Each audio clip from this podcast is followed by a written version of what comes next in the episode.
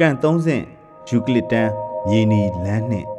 လွမ်းမောရသောပသိညာများအပိုင်းနှစ်1992ခုနှစ်တက္ကသိုလ်ကောလိပ်တွေပြန်ဖွင့်ခဲ့ပေမဲ့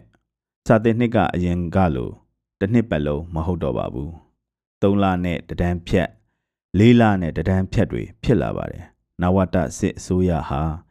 လူငယ်တွေပညာတတ်ဖို့ကောင်းတဲ့ရှိပုံမရပါဘူးရှစ်လေးလုံးအေးတော်ပုံကိုမှီလိုက်တဲ့ကျောင်းသားတွေကိုကျောင်းထဲမှာမြင်ကျင်ပုံလည်းမရပါဘူး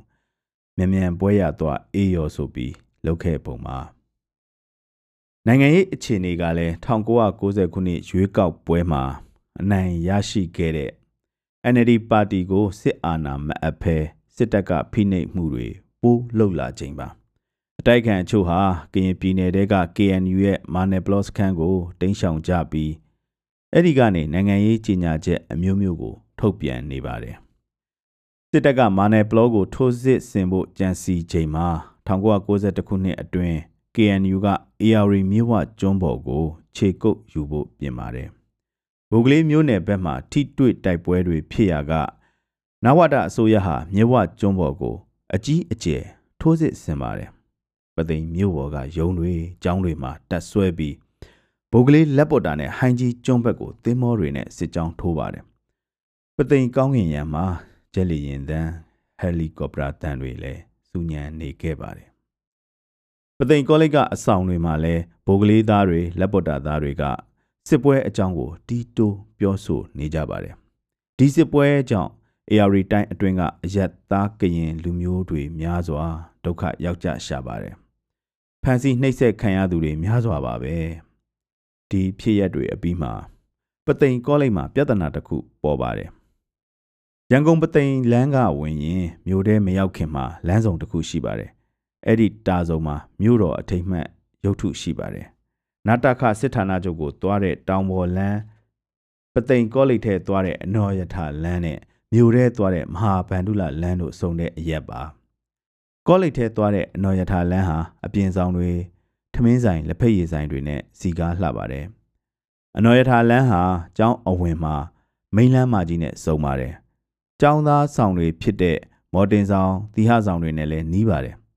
ညညဆိုအနော်ရထလမ်းထိပ်အဲ့ဒီတုန်းကအဝေးသင်ဌာနရှိကလက်ဖက်ရည်ဆိုင်မှာကျောင်းကဆရာတွေနဲ့ကျောင်းသားတွေအဖွဲကြပြီးထိုင်လေးရှိပါတယ်။တနေ့မှာညဘက်လက်ဖက်ရည်တောက်ကြတော့ လူငယ်တယောက်ပြိုင်ပိန်းစီးပြီးရောက်လာပါတယ်။လူငယ်ကဆိုင်ထဲကို သူ့အတိလာရှာတာပါ။သပိန်ဘော်ကမစင်ပဲလမ်းဘေးမှာထိုင်းနေတဲ့ဆရာနဲ့ကျောင်းသားဝိုင်းကလွတ်နေတဲ့ခွေးချေပူကိုခြေထောက်နဲ့လှမ်းထောက်ကသပိန်ရက်ပါတယ်ကျောင်းသားတွေကဒီမှာဆရာထိုင်းနေတဲ့အတွက်အဲ့လို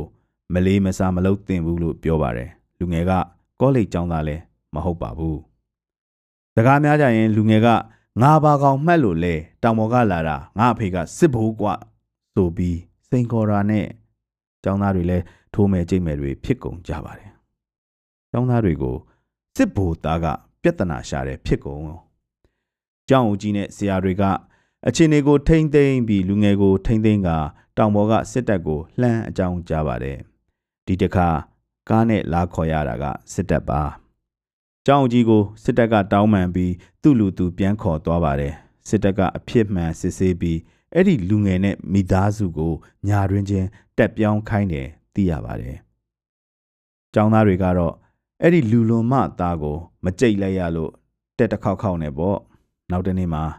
စစ်တပ်ကလော်ရီကား၃စီးကျောင်းထဲရောက်လာပါတယ်။ဘာဖြစ်ကြတာလဲပေါ့။ကျောင်းသားတွေဖမ်းမလို့လားပေါ့။မဟုတ်ပါဘူး။ကျောင်းသားတွေအားလုံးအတွက်